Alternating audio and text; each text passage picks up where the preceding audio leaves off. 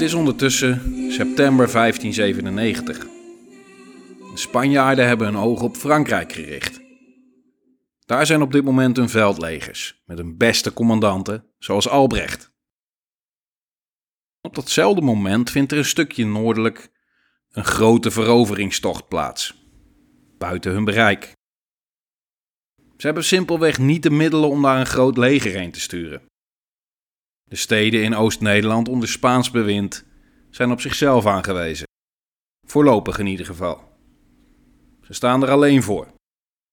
En Maurits is onderweg. Want hij is daar met een belangrijke campagne bezig. En die verloopt tot nu toe goed. In het vorige deel hebben we gehoord hoe Alphen, Meurs en Rijnberg al werden ingenomen. Allemaal plaatsen in het huidige Duitsland, met een goede strategische ligging om de veldtocht gevolg te geven. De Spanjaarden waren vanaf het zuiden afgesneden. De rest van de steden op het menu lagen ten noorden van Rijnberg. Twee weken later ging Maurits op pad. En daar waren we de vorige keer gebleven, bij het moment dat Maurits Groenlo, toen nog Grol, ging belegeren. En zoals we weten was het jongere halfbroertje van Maurits er ook bij, Frederik Hendrik. Dit was zijn eerste grote veldtocht met zijn 13 jaar. Hij werd nu oud genoeg geacht om het leger te volgen en het ongemak van den krijg te leren verdragen. Het was 11 september en de voorhoede van het staatse leger met Maurits zelf arriveerde bij Grol, gevolgd door de legertrein. Een kolonne van wagens met voorraad en proviand van meer dan 20 kilometer lang. Een gigantische stoet. Huurlingen met hun families, huifkarren, ruiterij enzovoort. Het zou even duren voordat die allemaal gearriveerd en georganiseerd waren. Maar de voorhoede van Maurits was direct inzetbaar. Nu begon de belegering. De voorbereidingen werden in gang gezet en in recordtempo werd er een legerkamp opgebouwd. Er werden diverse verdedigingswerken opgeworpen, ondanks het slechte weer. Het regende pijpenstelen. Twee dagen lang waren de manschappen druk met het bouwen van hutten en het graven van een gracht rond het kamp. En toen, diezelfde avond nog, de avond van 13 september, begonnen ze met het maken van schansen. En met aaneengesloten fortificaties om het fort heen. De hele stad werd op deze manier ommuurd de inmiddels alom bekende circumvalentielinie. Er was geen weg meer in of uit. Ook werd er die avond al begonnen met het graven van loopgraven, approches richting de stad. Approches, dat is wat er staat. En volgens mij spreek je het dan ook zo uit. Approches. Er staat niet approaches of approche. Ik neem aan het oud-Hollandse woord approches. Je ziet het vaak in taalgebruik doen. Dingen die we nu nooit meer op die manier gebruiken.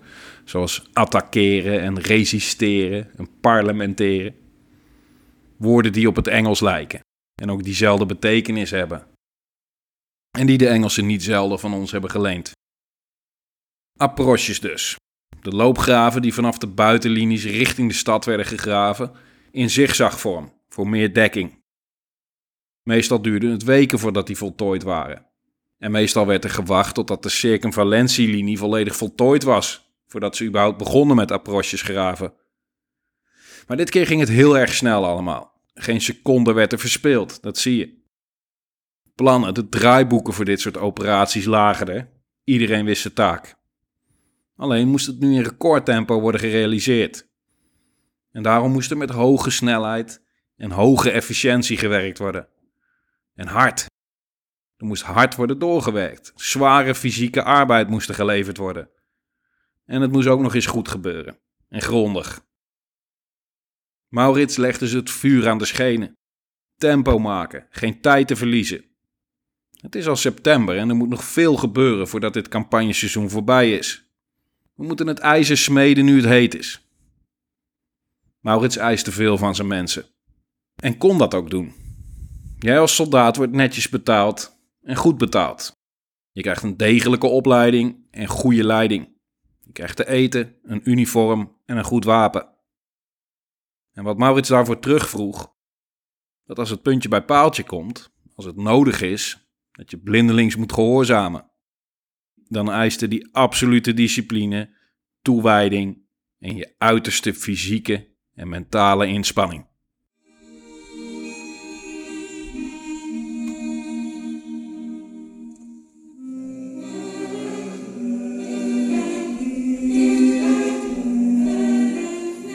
In Grol was een Spaans garnizoen gelegerd onder leiding van graaf Jan van Stierum. Die kennen we nog van het vorige beleg van Grol, twee jaar eerder. Die had toen nog zo'n grote mond gehad omdat hij wist dat Mondragon hem kwam helpen. Een kleine duizend man Spaanse troepen, veel Walen, Duitsers wederom. Een behoorlijke troepenmacht toch wel. Groot genoeg om actief te verdedigen en in de tegenaanval te gaan. Ze probeerden de belegering te verhinderen, deden meerdere uitvallen, maar die mislukten allemaal. Daardoor gingen de graafwerkzaamheden gestaag door en werden de diverse afwateringskanalen aangelegd om het water van de stadsgracht af te tappen. Het had twee voordelen. De stadsmuren zijn beter te bereiken voor een aanval. En de verdediging krijgt na verloop van tijd gebrek aan drinkwater. Want ja, ze dronken toen lekker uit de stadsgracht. Of ze gebruikten het om bier te maken, dat was gezonder. Je krijgt er een kater van, maar van het water werd je ziek. Maar goed, dat terzijde. We gaan verder. Er werd een behoorlijke dosis vuurkracht op de stad losgelaten. Er werd onder andere geschoten door kanonnen met vuurballen. Het veroorzaakte aanzienlijke schade. Er ontstond een grote stadsbrand, waardoor zeker 60 huizen in vlammen opgingen. Op 26 september was de omsingeling voltooid. De circumvalentielinie was af. Maurits liet er geen gras over groeien. Hij moest Grol met geweld nemen, wist hij. Van Stierum gaat nooit akkoord met een overgave, want die wil vechten. Dat heeft hij de vorige keer al duidelijk gemaakt. Dus dat ging het worden, dacht Maurits. Een bestorming. Dus liet hij op meerdere plekken galerijen bouwen om de stadsmuur te beklimmen. En de grote aanval werd in gang gezet. Ja, en Van Stierum, de moedige krijger, trok zijn zwaard en rende de stadswal op om de verdediging persoonlijk te gaan leiden. Nee, niet bepaald. Hij zag in dat het toch misschien verstandiger was om te gaan praten en besloot over te gaan tot onderhandelingen over de overgave. Hij stelde nog wel behoorlijke eisen, wilde een vrije aftocht voor paarden, geschut, vendels, wapens en bagage. Maurits was verrast dat hij überhaupt wilde onderhandelen, maar zeker over deze eisen. Op zich blij verrast, maar het was wel een beetje mosterd naar de maaltijd natuurlijk. Dus was hij in eerste instantie niet bereid om heel veel water bij de wijn te doen. Wapens en bagage mochten ze meenemen, dat was het. De leider van de Spaanse cavalerie verklaarde dat hij en zijn ruiters liever stierven dan dat ze hun paarden zouden afstaan. Oké, zei Maurits, dan gaan we dat regelen. En hij gaf zijn kanonnen de opdracht om de beschietingen te hervatten en zijn infanterie om de bestorming in te zetten. Maar er was verdeeldheid in de stad. Niet iedereen was bereid om te sterven voor deze zaak, inclusief Jan van Stierum. Zijn woorden waren toch wat groter dan zijn daden. Het stadsbestuur en een groot deel van het garnizoen hadden er ook al lang geen zin meer in. Dus deden ze een beroep op de redelijkheid van Maurits. De bewoners en de verdedigers vonden dat het wel zo eerlijk was om dezelfde behandeling te krijgen als Rijnberg. Maar ditmaal weigerde Maurits. Redelijkheid moet van twee kanten komen. Ze hadden zelfs stug hun poot stijf gehouden Daardoor had hij een uitgebreide operatie op touw moeten zetten. Ik moet blij zijn dat hij überhaupt nog bereid is om te onderhandelen. Maar je onderhandelingspositie is niet sterk. Figuren die zich heroïs dood willen vechten houden de boel op en moeten daarom de prijs maar een keer betalen, dacht Maurits. In zijn achterhoofd zat ook die tijdsdruk natuurlijk en het voorbeeld wat je stelt. Als je nu hard optreedt, voorkom je dit soort gedoe in de toekomst. Een signaal dat er ook aan zijn coulance een grens zit. Maar de Staten-generaal zagen het anders. Die waren al lang blij dat een langdurige, bloederige en dure belegering ze bespaard bleef. En waren bereid om toe te geven aan de wensen van de verdediging. En daar legde Maurits zich bij neer. De troepen en de inwoners die onderdaan van Philips II wilden blijven, mochten veilig de stad verlaten maar ze moesten beloven om drie maanden lang geen krijgshandelingen uit te voeren ten noorden van de Maas. Klinkt als een loze belofte natuurlijk. Ja, ja, is goed, ik eh, zal het niet meer doen. En dan gewoon lekker stiekem toch doen, hè? Maar ja, zo ging dat toen. Je woord was nog iets waard. Meestal werd er plechtig gezworen met de hand op de Bijbel. En dat werd toch echt serieus genomen toen, door beide partijen. En de consequenties waren ook serieus. Want als je dus wel krijgshandelingen uitvoert in die periode en je wordt weer gevangen genomen, dan staat er wel de doodstraf op. Dus dat woog ook mee. Vandaar dat er werd gekozen om ze vrij te laten. Grote hoeveelheden gevangenen nemen was überhaupt onpraktisch. Die moet je ook ergens kwijt en je moet ze te eten geven. Dus loste Maurits het zo op. De stad had behoorlijke schade geleden tijdens de belegering. Tachtig huizen waren verbrand. Overal lag vuil en puin. En er stond op het klooster en de kerk na geen enkel stenen huis meer. Op 28 september trok het staatse leger de stad binnen. Het doel was bereikt. En het was snel genoeg gegaan. Ze lagen nog op schema. Het had erger gekund. Je zou kunnen zeggen dat het met relatief gemak was gegaan. Wat twee jaar eerder niet was gelukt, was nu in twee weken gelukt. Grol was in Nederlandse handen. Die avond dineerde Van Stieren met Maurits, zoals gebruikelijk na een overgave op voorwaarden. Zoals ik al zei de vorige keer. Dit waren edelen onderling, die elkaar na de strijd rustig de hand schudden en samen dineerden. Het werd allemaal niet persoonlijk opgevat, althans zo lijkt het. Vraag me dan wel af hoe zo'n gesprek ging. Of het vooral een zakelijke afhandeling was, een afwikkeling van zaken omtrent stadsbestuur en de voorwaarden van zijn gevangenschap. En dat het allemaal keurig volgens de etiketten ging. Of dat het allemaal lekker informeel was. Met een pilsje en wijntje erbij. En dan maar lekker ouwe hoeren over de sport. Zo van Stierum, zo stoer was je niet meer toen het erop aankwam, hè? Nee, al was een beetje grootspraak van mijn kant. Vinden mijn troepen mooi. Wat had jij gedaan in mijn positie, Maurits? Ik heb verdikken me geen doodswens, kerel. Nee, snap ik ook. Je zou wel gek zijn. Wijntje nog? Lekker, prima spul trouwens. Nou, niet verkeerd, hè? Trouwens, die uitval van jullie was ook niet verkeerd. Dat zag er best aardig uit allemaal. Had je linksom moeten gaan, dan had je kans gehad. Ja, stom zat ik ook aan te denken, maar ik dacht dat het een val was. Oh, echt? Nee joh. Trouwens, ik vond die aanval door het centrum mooi uitgevoerd hoor. Je hebt het goed voor elkaar, Maurits, met dat legertje van je. Nou, jullie verdediging loog er ook niet om. Ik vond ze nog behoorlijk aan de felle kant. Jazeker, zo hoort het ook. Al met al was het nog best een aardig schouwspel. Jammer dat het alweer zo snel voorbij is. En jammer dat het ook weer even gaat duren voordat we weder met elkander kunnen duelleren. Helemaal mee eens, daar proosten we op. Santé! Ik gis maar wat natuurlijk, maar ik probeer me een voorstelling te maken van hoe zoiets ging. En hoe ik ze nu afschilder als een soort elitaire figuren, is maar één interpretatie natuurlijk. Je kan hier alle kanten mee op. En het is gezien de haast die Maurits had niet aannemelijk dat hij dit soort uitspraken deed. En hoe hij met zijn troepen omging, spreekt dat ook tegen. Maar toch, hoe dat werkte tussen die edelen, dat wederzijdse respect, of zoiets echt gezellig was. Of er twee sportmannen waren die dit bespraken, alsof ze het over een potje tennis hadden. Nogmaals, geen idee. Wat denk jij? Het is ook goed mogelijk dat het er heel anders aan toe ging. Dat er wel degelijk veel meer vijandigheid was. Of dat het nogmaals een strakke formele afhandeling van zaken was.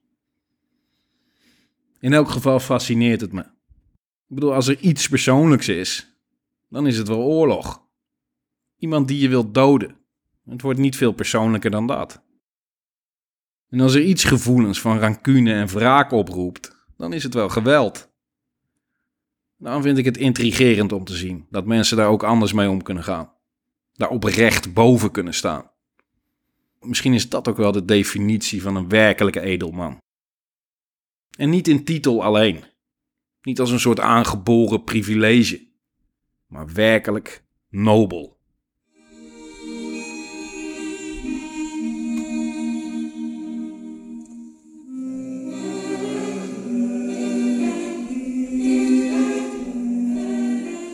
Grol werd geconditioneerd voor de verdediging, er werden herstelwerkzaamheden gedaan en er werd een staatsgezinde gouverneur aangesteld door Maurits. Nu was het op naar het volgende doel. Bredevoort. Nu een klein dorpje. Toen ook niet groot, maar wel een belangrijke vesting. Het lag iets ten zuiden van Grol, midden in een moeras. Bredevoort had net als veel steden toen geen moderne verdedigingswerken en had nog een middeleeuwse stadsmuur. Maar in dit geval wel een geüpgrade middeleeuwse stadsmuur. Want ze waren tussen 1545 en 55 aangepast en versterkt door niemand minder dan Maarten van Rossum.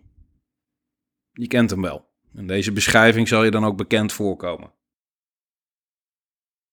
Maarten van Rossum was een Gelderse legeraanvoerder, die buiten zijn vaderland zeer gevreesd werd voor de niets ontziende manier waarop hij oorlog voerde.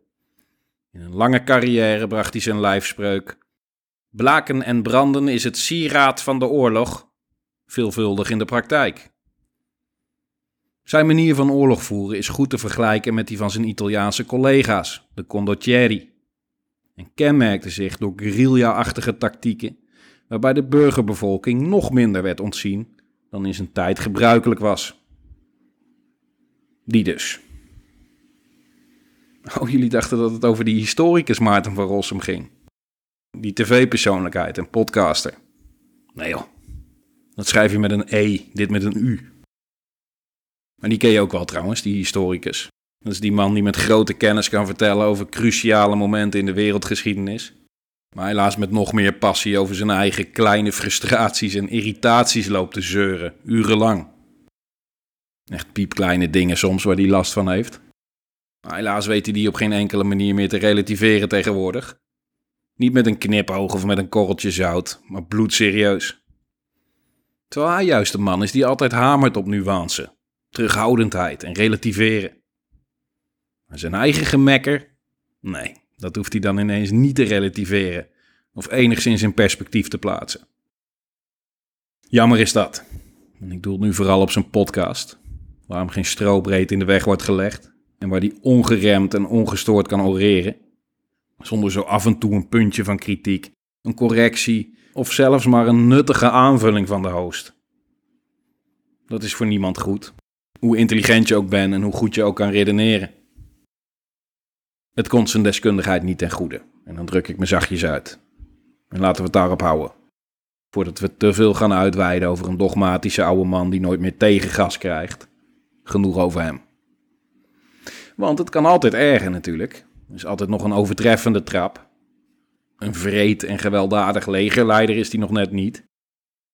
En dat was zijn naamgenoot dus wel. En die had de stadsmuren van Bredevoort laten vernieuwen. Vijftig jaar voor het moment waar we nu zijn in het verhaal. En dat was geen half werk geweest. Hij had onder andere sterke aarden wallen tegen de stadsmuren laten aanleggen. Dat was eigenlijk het punt. Ik denk, dan pakken we de moderne van Rossum even mee. Nu verder met Bredevoort. Het stadje werd nagenoeg onneembaar geacht. Het was strategisch gelegen, midden tussen ondoordringbare moerassen. En het werd ook nog eens zwaar verdedigd. Dat zeven waltorens, twee zware rondelen en twee stadspoorten die beschermd werden met ravelijnen. En als dat alles was ingenomen, was er nog een laatste uitvalsbasis, een zelfstandig verdedigbare citadel. Een kasteel dat alleen bereikbaar was via een dubbele gracht door drie poorten, waarvan er twee voorzien waren van dubbele torens. moet Maurits gedacht hebben. Dit was een serieuze uitdaging, ook voor hem. Als de verdedigers zich hier hardnekkig gaan opstellen, dan kan het wel eens een hele pittige klus gaan worden. Dan kan het wel eens erg kostbaar worden allemaal. Daarom zou hij er alles aan doen om dat te voorkomen en ook deze belegering zo gunstig mogelijk te laten verlopen. Op 1 oktober was Maurits gearriveerd. De stad werd zoveel mogelijk ingesloten. Er werden twaalf stukken geschut geplaatst. En die vuurden het eerste salvo af. Volgens traditie kreeg de verdediging dan de kans om zich over te geven. Deden ze dat niet, dan zouden de bombardementen aanhouden en de belegering worden voortgezet totdat er weer noemenswaardige vooruitgang in zat. Dan kregen ze weer de kans, maar dan waren de voorwaarden al minder gunstig. En als ze het op een derde en laatste ijs lieten aankomen, was het slechts mogelijk om de stad op genade of ongenade over te geven. Een unconditional surrender.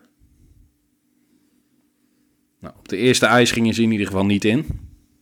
En ze riepen vanaf de stadsmuur uitdagend: Gij hebt niet die van Grol voor u. En dat ze bereid waren de stad tot de laatste man te verdedigen voor de Spaanse koning. De verdedigers hadden het volste vertrouwen in de verdedigingswerken, in de grachten en een goede strategische positie. En ze rekenden op een ontzettingsleger.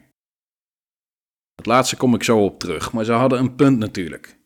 Hun positie was ijzersterk.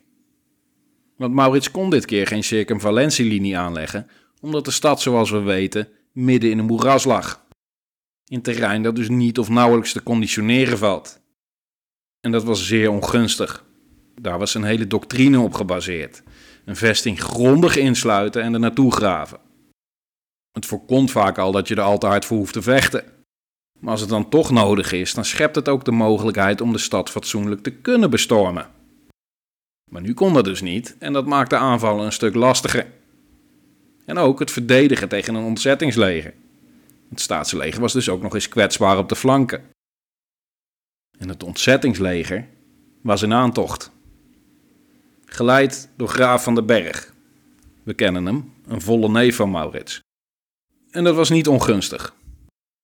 Van den Berg was net als Maurits als edelman geschoold in krijgswetenschap en getraind als militair. Was een degelijk leider, maar niet van het kaliber Maurits. Want Van den Berg liet hier namelijk een mogelijkheid liggen. Als hij nu op een treffer had aangestuurd, lagen de kansen. Meer dan normaal. Het was zeker geen gedane zaak. De uitkomst was even goed onzeker geweest. Maar als je ze wil pakken, moet je het nu doen. Nu ze niet goed zijn ingegraven en kwetsbaar zijn. Hij deed het niet. Hij achtte zijn kansen tegen Maurits gering. Zo gering dat hij besloot om het niet eens te proberen. Hij stuurde een bericht naar de stad met die boodschap. Sorry jongens, dit gaat hem niet worden. Jullie staan er alleen voor. Maar het bericht zou nooit aankomen, want het werd onderschept. De verdedigers wisten dus niet dat er geen hulp zou komen en hadden erop gerekend. Ze hielden juist daarom hardnekkig stand.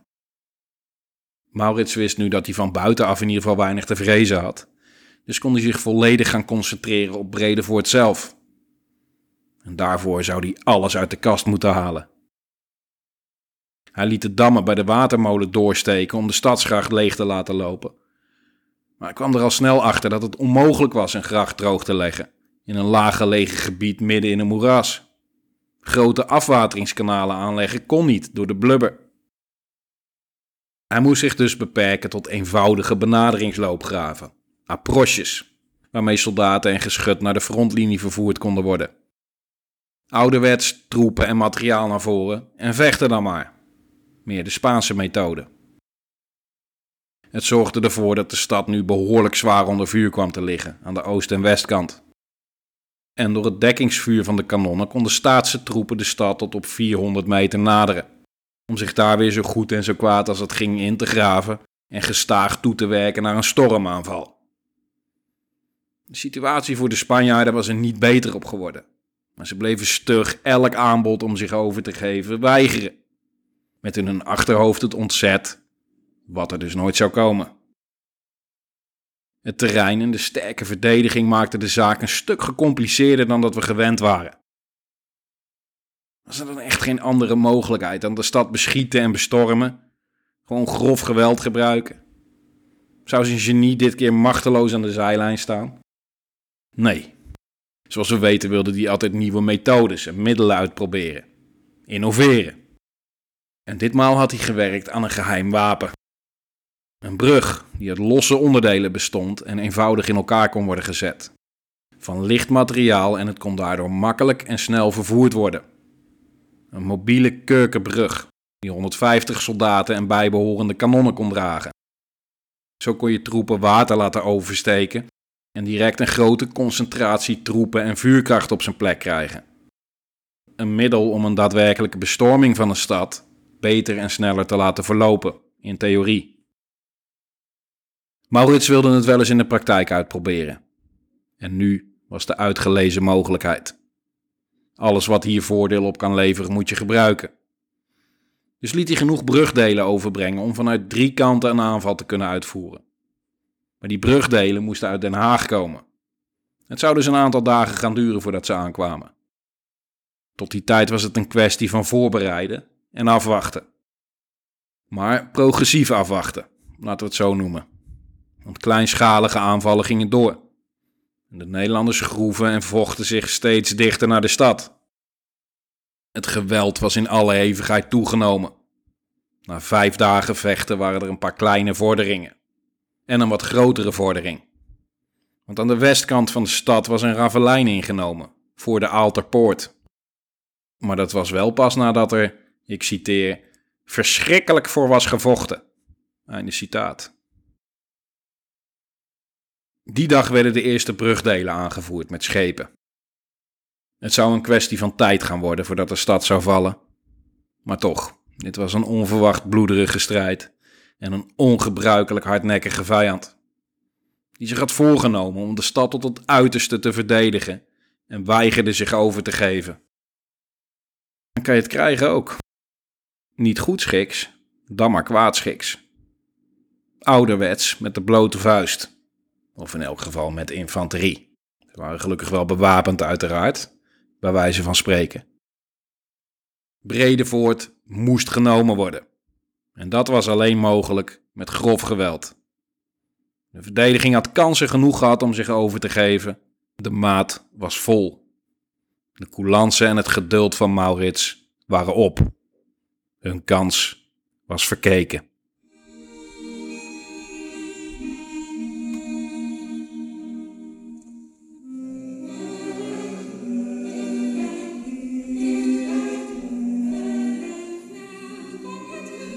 Nu kwam de operatie met de mobiele bruggen op gang. Ingeleid door artillerie, of voor insiders artillerie. In alle hevigheid werd de stad met zwaar geschut van twee kanten beschoten. Onder dit dekkingsvuur trokken de staatse troepen naar voren. Aan de zuidkant werd de aanval ingezet om de brug in positie te brengen. Dit was een zeer gevaarlijke onderneming, want hij moest zonder dekking worden aangelegd en ze werden zwaar beschoten vanaf de stadsmuren. Maar ze stoten door. Ze lieten zich nergens meer doorstoppen nu. Met ware doodsverachting konden ze de stadswal naderen en zich ingraven. De brug werd in positie gebracht. De verdedigers zagen het voor hun ogen ontvouwen. Het moet bijna buitenaards hebben geleken. Een moderne tactische operatie van het allerhoogste niveau. Werktuigen en materialen werden met grote precisie vervoerd en in elkaar gezet. Eenheden die zich als een geoliede machine over het slagveld begaven en die zich ogenschijnlijk nergens meer door lieten stoppen. Het hele schouwspel maakte grote indruk op de verdedigers. Zo groot dat ze toch wel weer wilden gaan onderhandelen. Nu wel dus, nu de situatie ineens wel erg penibel was geworden. Dit beleg had al veel levens en tijd gekost. En je hebt het op deze grootschalige onderneming laten aankomen. En nu, nu je ziet wat dat betekent, dat als je het staatse leger tot dit geweld dwingt, wat er dan van komt, op dit point of no return, trokken ze hun keutel in. Maar ja, dan ben je te laat. Toch stuurden ze volgens de etiketten een trommelslager naar de wal, om het signaal te geven dat ze wilden onderhandelen. Maar toen hij zijn hoofd boven de wal uitstak, werd hij eraf geschoten met een kanonskogel. Een duidelijk signaal lijkt me. De bestorming ging dus in alle hevigheid verder. Niet des Maurits zou je zeggen, pragmatisch als die was. Maar ook het geduld van Maurits was niet eindeloos. En het geduld van zijn troepen ook niet.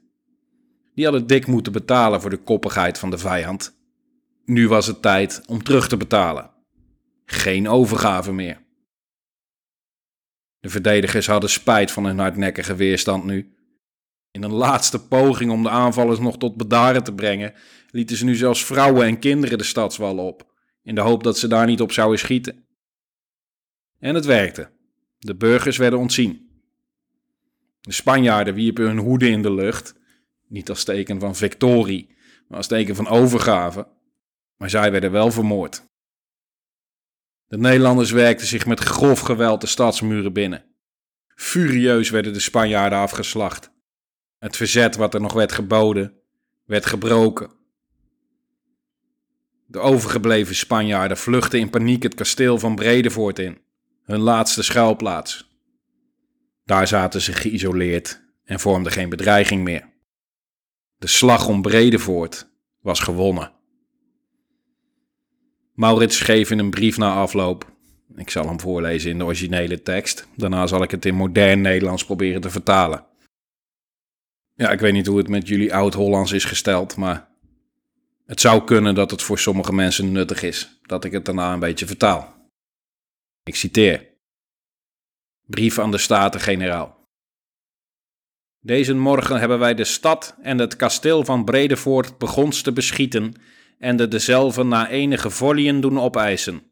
Maar alzo de vijand weigerde met ons te parlementeren, hebben wij onze batterijen doen continueren, totdat wij genoegzaam bressen gemaakt hadden, hetwelk den vijand merkende, heeft den trommel doen slaan en de den hoed opgesteken, roepende genade, maar ziende de onze dat de bressen goed was, zijn opgestegen, en de de vijand merkende dat hij niet konde resisteren, is hij met de burgerijen in het kasteel geweken, alwaar hij zich in onze genade heeft begeven.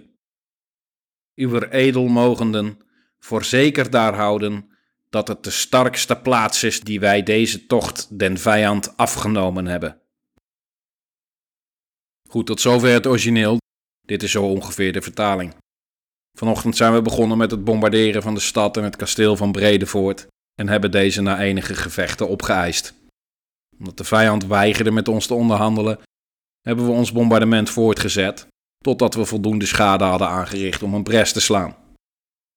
Op dat moment besefte de vijand dat hij verslagen was en gaf zich over door op de trommel te slaan en zijn hoed op te steken, smekend om genade.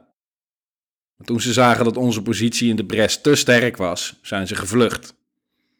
De vijand besefte dat hij geen weerstand meer kon bieden en is met de burgers naar het kasteel gevlucht, waar hij zich aan onze genade heeft overgegeven. U kunt er zeker van zijn dat dit de sterkste plaats is die we tijdens deze expeditie van de vijand hebben ingenomen. Einde citaat.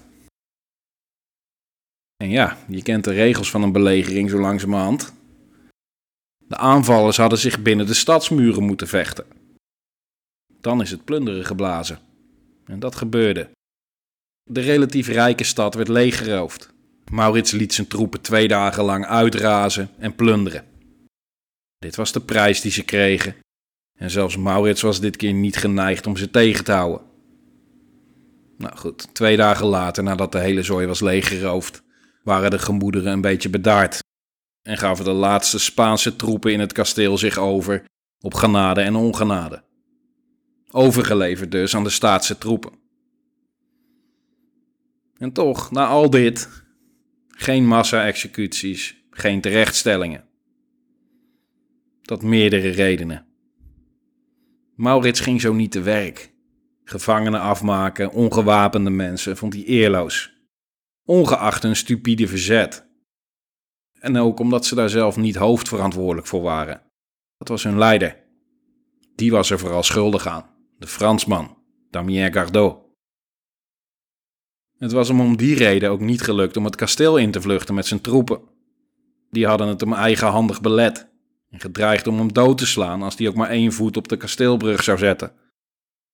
Want hij had geweigerd om te onderhandelen over een overgave onder gunstige voorwaarden toen dat nog mogelijk was. Jij wou vechten tot de dood, ga je gang. Maar dat deed hij niet.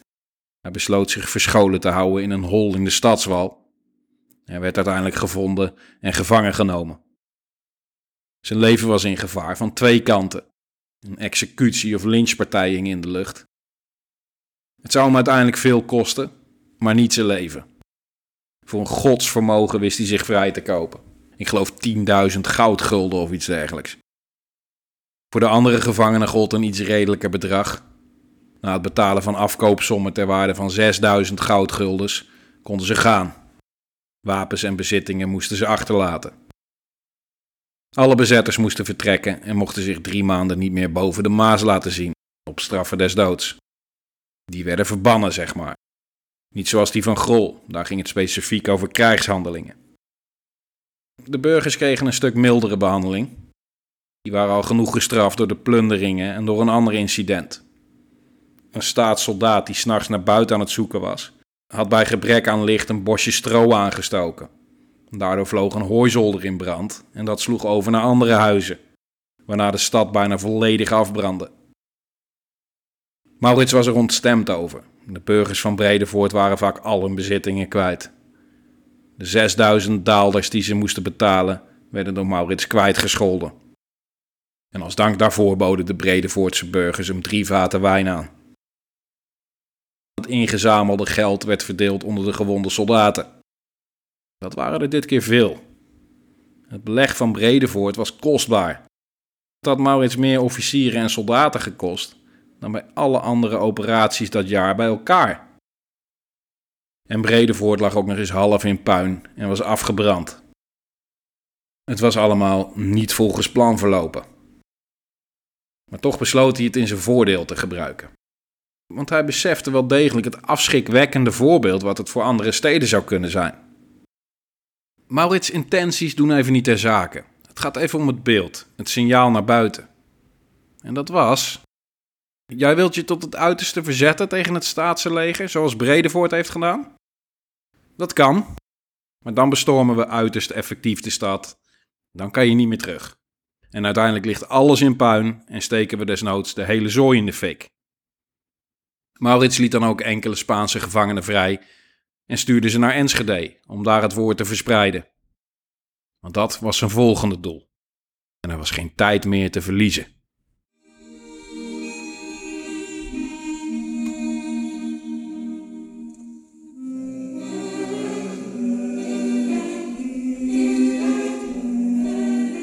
Maurits liet twee compagnieën achter in Bredevoort en trok met zijn leger naar Enschede om aan te vallen. Hij stuurde eerst een boodschapper naar de stad om de overgave te eisen. Geen onderhandelingen dit keer. Jullie geven je nu over. En doe je dat niet, dan gebeurt er met jullie wat er met Grol en Bredevoort was gebeurd. Als we ook maar één schot moeten lossen, dan maken we de stad met de grond gelijk. Om dit nog geloofwaardiger te maken, mocht er een Spanjaard mee om te kijken naar de kanonnen. Dat gebeurde. En het had gewerkt. De angst zat er goed in knikkende knieën bij het garnizoen. Want de dreiging was uiterst serieus en uiterst geloofwaardig. En het vooruitzicht was uiterst onprettig. Ze gaven zich over. Enschede was in Nederlandse handen gevallen zonder een schot te lossen. Op naar Ootmarsum. Maurits trok daar niet eens heen met zijn hoofdmacht, maar stuurde een paar compagnies met vier stukken geschut, met onder andere Frederik Hendrik. Daar werd dezelfde truc herhaald. En het werkte weer. Want twee dagen later viel ook Oud-Marsum in Nederlandse handen. Dit doet een beetje denken aan Genghis Khan zo langzamerhand. Dit was hoe hij ook te werk ging. Hij maakte net als Maurits gebruik van zijn reputatie en de dreiging die daarvan uitging. Een aantal keer hard optreden en je vijand heeft er al snel geen zin meer in. Nu waren de methodes van Maurits wel iets milder, Daarbij gebruikte hij in dit geval ook een toevallige stadsbrand in zijn voordeel wat dat betreft. Bij onze vriend Cengiz was er niet echt toeval in het spel. Die deed het moedwillig. Daar was zijn hele strategie op gebaseerd. En ik zeg Cengiz, omdat ik daar laatst achter kwam dat er ooit een Franse archeoloog die C van Cengiz aanzag voor een G van Genghis dus. Ik geloof op een gedenksteen of op zijn grafsteen zelfs. En dat is toen daarna gangbaar geworden. Maar goed, het maakt niet uit, we weten over wie het gaat. Die Mogol. Echt de grootste Mogol aller tijden. Die overigens verder weinig echte raakvlakken heeft met Maurits. Buiten dat het allebei grote generaals waren die veel steden veroverden. Die beide gebruik maakten van nieuwe tactieken en strategieën. En dat er dus in dit specifieke geval, in deze campagne, een min of meer vergelijkbare tendens ontstond bij de vijand. Namelijk, we kunnen ons beter overgeven Anders hebben we een probleem. Maar wat die problemen in de praktijk inhielden, daar zat wel verschil in. Maurits kon best hard optreden, daar lag het niet aan. We hebben het gezien. Hij liet intensieve beschietingen uitvoeren als het nodig was. In het ergste geval een stad bestormen en laten plunderen zelfs. Cengiz pakte dat net iets anders aan. Die gaf je direct bij aankomst één kans om je over te geven.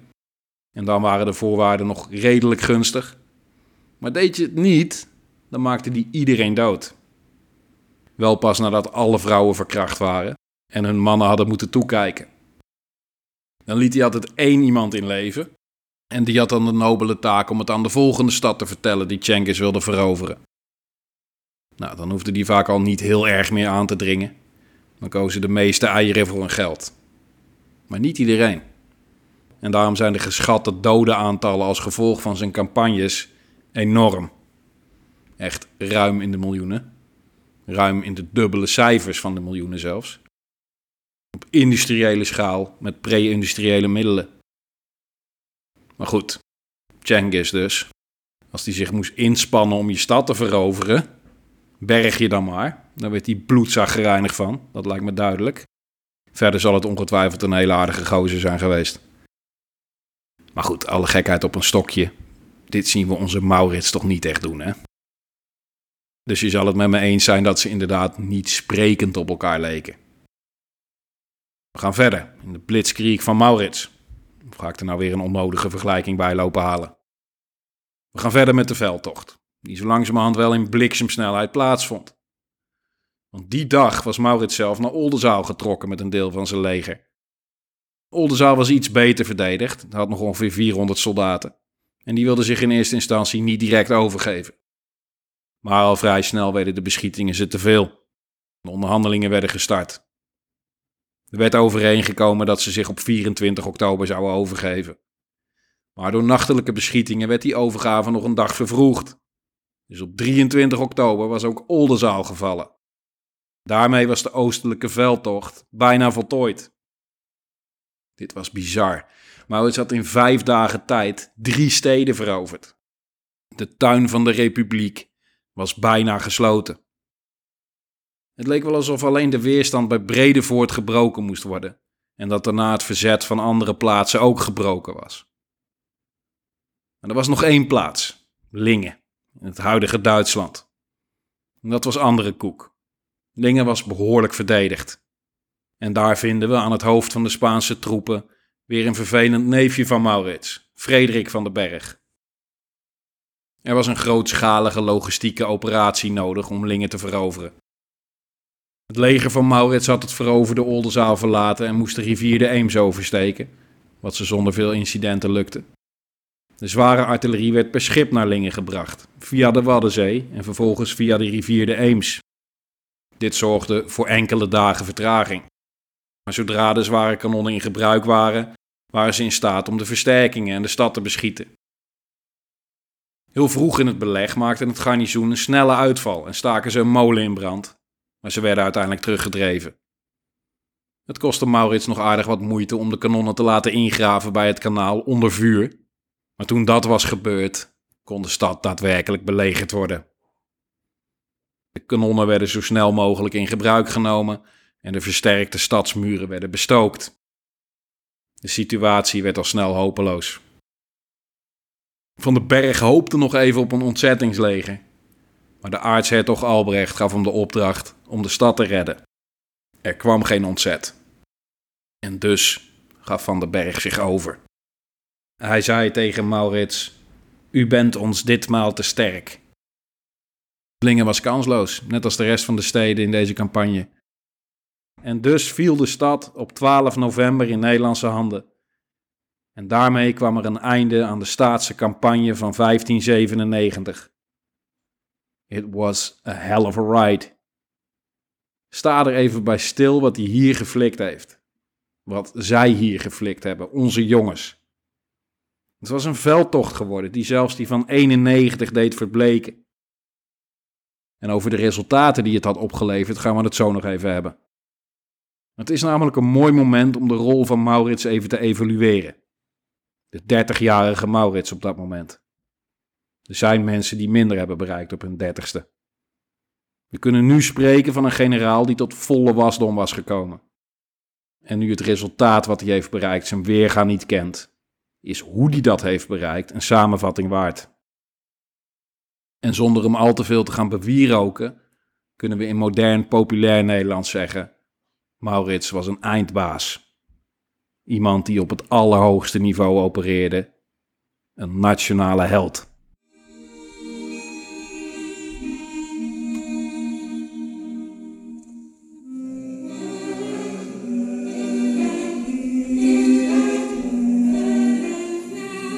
Verhaal van de planning kennen we. Dat was de basis van zijn succes.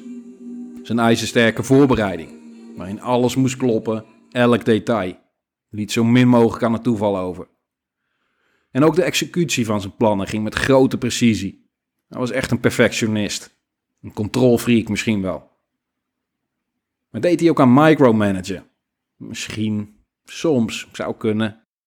Maar niet dusdanig dat hij geen overzicht meer had of dat hij zich te veel leek te concentreren op bijzaken. Het lijkt erop dat hij juist heel goed kon delegeren. Sterker nog, hij delegeerde goed. Dat kunnen we vaststellen. Zijn hele bevelstructuur was gebaseerd op goed delegeren, op taakverdeling. En mensen hun taak laten uitvoeren zonder ze in de weg te lopen. Je hoeft een sergeant niet uit te leggen hoe hij zijn wapen moet bedienen. Je hoeft een cavalerieofficier niet te vertellen hoe hij moet paardrijden. Dus bemoei je er niet mee. Concentreer je op datgene wat jij moet doen. En dat deed hij. Vertrouwen op de professionaliteit en de toewijding van zijn mensen. En hij deed zijn ding. Leiding geven. Strategisch en tactisch. Op het slagveld en daarbuiten. En hij was ijverig. Werkte hard. Dag en nacht. Hield van het vak. Zat vol met nieuwe ideeën. En had ook de intelligentie en de kennis om die ideeën om te zetten in werkende methodes. Hij gebruikte bijvoorbeeld zijn geologische en mathematische kennis voor alles wat hij deed. Hij had bijvoorbeeld kennis van grondsoorten in Nederland en de mogelijkheden voor transport of graafwerkzaamheden. Ook van type steen, van constructies. En voor al die zaken had hij dan ook weer specialisten in dienst die konden toezien op de uitvoering van die theorieën. Of hem konden aanvullen of corrigeren. Zijn eigen ingenieurs, logistiek specialisten, architecten. Was ook echt een kracht van hem. Hij was flexibel, niet eigenwijs, leerde graag en snel. Van zijn successen, maar ook van zijn fouten. Zijn oudere neef speelde daar ook een grote rol in. Een man die hij bijna blindelings vertrouwde. Een trouwe kameraad, door dik en dun. Twee verschilden qua leeftijd en persoonlijkheid behoorlijk. Maurits was bijvoorbeeld een rokkenjager en Willem Lodewijk meer een family man. Maar ze hadden die gezamenlijke passie voor het militaire vak en voor wetenschap en geschiedenis. Willem Lodewijk was ook geschoold in de klassieke oudheid en had het met Maurits over historische parallellen en toepasbare tactieken uit die tijd. En toepasbaar waren ze, dat bleek wel. En werden lang niet door iedereen toegepast.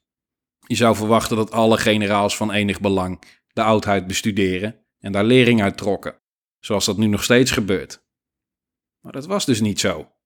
Maurits en Willem Lodewijk waren daarin uniek. Om het leger in te delen in de Romeinse structuur was revolutionair. En geheel in stijl met de Renaissance. Het teruggaan naar de Romeinse tijd en erachter komen dat die in veel dingen al beter waren. 1500 jaar geleden, toen al. En zo namen ze de laatste grote stap van de Renaissance en zetten ze de eerste stappen in de verlichting. En die laatste grote stap in de Renaissance was dat militaire gedeelte. Want alle andere legers, en zeker die van de Spanjaarden, vochten nog op de middeleeuwse manier, waar de individuele ridder centraal stond. waren allemaal duurbetaalde, fysiek sterke ruiters, zwaardvechters of boogschutters. En die kwamen dan in tijden van oorlog bij elkaar om samen te gaan vechten maar heel individueel geschoold en centraal geleid. Maurits veranderde dat. Die had net als de Romeinen de focus liggen op de eenheid. Het strak organiseren van formaties. Want die formatie is cruciaal. Die moet als één man kunnen functioneren. En natuurlijk is het belangrijk dat die formatie bestaat uit fitte individuen die bekwaam zijn in het gebruik van hun wapens. Maar veel belangrijker nog is dat ze in formatie blijven. Dat ze blindelings als schakel functioneren binnen die formatie. Dit hadden de Romeinen dus ook al door. Die wisten ook dat de Germanen bijvoorbeeld vaak fysiek sterker en groter waren dan zij. Dapperder ook vaak, individueel. Dus de Romeinen moesten het van de organisatie hebben. Lieten het niet afhangen van wie er één op één het sterkst of het dapperste is, maar zorgden ervoor dat de groep sterk genoeg was. De formatie, de eenheid. Sterke linies, strakke discipline, vechten als één man. En gebruik maken van technologie, ook niet onbelangrijk. Alles wat voordeel kan opleveren, gebruiken. Forten bouwen, verdedigingswerken, nieuwe wapens inzetten. Het was de reden dat Julius Caesar de Galliërs versloeg. En de reden dat de Romeinen hun rijk zo ongelooflijk hebben kunnen uitbreiden.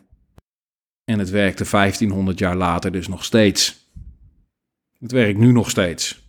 Het principe van oorlogvoering is hetzelfde. Tuurlijk, de materialen, de wapens zijn veranderd, de ingrediënten zijn veranderd, maar het principe is hetzelfde. In 1597 was dat niet anders. En die theorieën, die principes pasten ze toe, de bazen van het staatse leger. Willem Lodewijk, Francis Veer en helemaal bovenaan Maurits. En ja, Maurits, gaan we hem dan alleen maar zitten ophemelen? Gaan we alleen maar de loftrompet lopen steken, bejubelen, lyrisch lopen doen? Nou, het is in dit geval wel even op zijn plaats. Het mag wel even, wat mij betreft. Is er dan geen plaats meer voor nuance? Gaan we verkondigen dat hij een perfect mens en een perfecte generaal was? Nee, heus niet. Wees niet bang. Er gaat nog een hoop gebeuren. En we zullen zien dat Maurits zeker geen perfect mens was. En zelfs geen perfect generaal. Maar wel een bijna perfect generaal. Zeker tot dit punt waar we nu zijn. Veel beter als dit ga je ze niet krijgen. Want pak de cijfertjes er even bij. Hij heeft nu zeg maar tien jaar als bevelhebber opgetreden. En is niet één keer echt verslagen. Hij heeft wel eens niet gewonnen. Heeft zich wel eens moeten terugtrekken. Hij heeft wel eens een stad niet ingenomen die hij had belegerd. Maar hij heeft zich nergens stuk gelopen op een verdediging. Is nergens overlopen als hij verdedigde. En is nooit omsingeld geraakt. En hij heeft wel overwinningen behaald. Heel veel overwinningen. En die had hij, in tegenstelling tot veel grote generaals in de geschiedenis, niet behaald omdat hij zo'n spectaculaire krijger was. Een bloeddorstige heethoofd dat zich woest in de strijd wierp. Of een machtsbeluste, flamboyante, eerzuchtige primadonna was. Die enorme risico's nam, die dan ook nog eens goed uitpakte. Maar omdat hij een intelligente, grondige, verstandige vakman was. Met onmiskenbare fysieke en mentale moed. Maar kalm, beheerst, voorzichtig. Niet iemand die hield van onzekerheden of onvoorziene variabelen. In elk geval niet iemand die erop reageert door grote risico's te nemen. Hij was voor zijn tijd ongebruikelijk zuinig op zijn troepen. Uit ethische, maar vooral uit praktische overwegingen. Maar was hij te zuinig, te voorzichtig? Wellicht, we zullen het zien. Ik denk dat het een overwegend goede eigenschap van hem was, die hem vaker voordeel bracht dan nadeel. Het zorgde er in ieder geval voor dat het Nederlandse leger dit decennium meer had gewonnen dan in de twee decennia daarvoor gecombineerd. En dat hij en zijn leger heel moeilijk te verslaan waren. En wat we zagen in de campagne van 1597 was dat al deze punten samenkwamen en culmineerden in dit hoogtepunt. Dit was wel even de bekroning op zijn werk de absolute moddervette kers op de taart. En ik weet het, het klinkt misschien wat overdreven. Dat je denkt, ja ja, nou weet ik het wel. Je hoeft het niet zo aan te dikken. Maar het feit is, dit valt niet aan te dikken. Dit kan je onmogelijk overdrijven. De veldtocht van 97 was geëindigd en daarmee sloten we een periode af van ongekend succes. Van een enorme hoeveelheid belangrijke veroveringen. En daarom zou die periode achteraf de boeken ingaan als de tien jaar. Of de tien gloriejaren van Maurits. De Spanjaarden waren al hun steden boven de grote rivieren kwijt. Maurits had dit jaar alleen al negen versterkte steden en vijf kastelen ingenomen. De scheepvaart op de Rijn was geopend en het hele oostelijke bolwerk van de Republiek was versterkt. De tuin van de Republiek was gesloten. 1597 was het laatste en meest succesvolle jaar van de tien jaren van Maurits. De situatie voor de Republiek was in 1588 nagenoeg verloren geweest. En aan het begin van 1598 nagenoeg gewonnen. Nederland was een feit. En het was nog niet definitief natuurlijk. Maar er was wel reden tot juichen. En dat gebeurde ook. Er werd gejuicht. De Staten-Generaal liet diverse gouden herinneringsmunten slaan. En vanaf dat jaar was ook de traditie ontstaan om veroverde vlaggen in de ridderzaal aan het volk te tonen. Dat jaar alleen al werden er 48 vaandels buitgemaakt. Voor de Spanjaarden was het een vernedering. Een kapitale nederlaag. Het Spaanse idee dat er even een opstand moest worden onderdrukt en dat we daarna weer verder konden onder hun bewind, leek nu hoe langer hoe meer onmogelijk, ook voor Spanje. Nederland was een Europese mogendheid geworden, een natiestaat. Dat was verworven en kon niet zomaar meer verloren gaan. En dat was een grote overwinning. Maar geen eindoverwinning. Want ja, reken maar uit. De opstand was in 1568 begonnen. Het is nu 1597 en het ging uiteindelijk een 80-jarige oorlog worden. De Spanje was nog niet klaar. Nog lang niet. Dit is niet het einde. Het is zelfs niet het begin van het einde. Maar het is misschien wel het einde van het begin.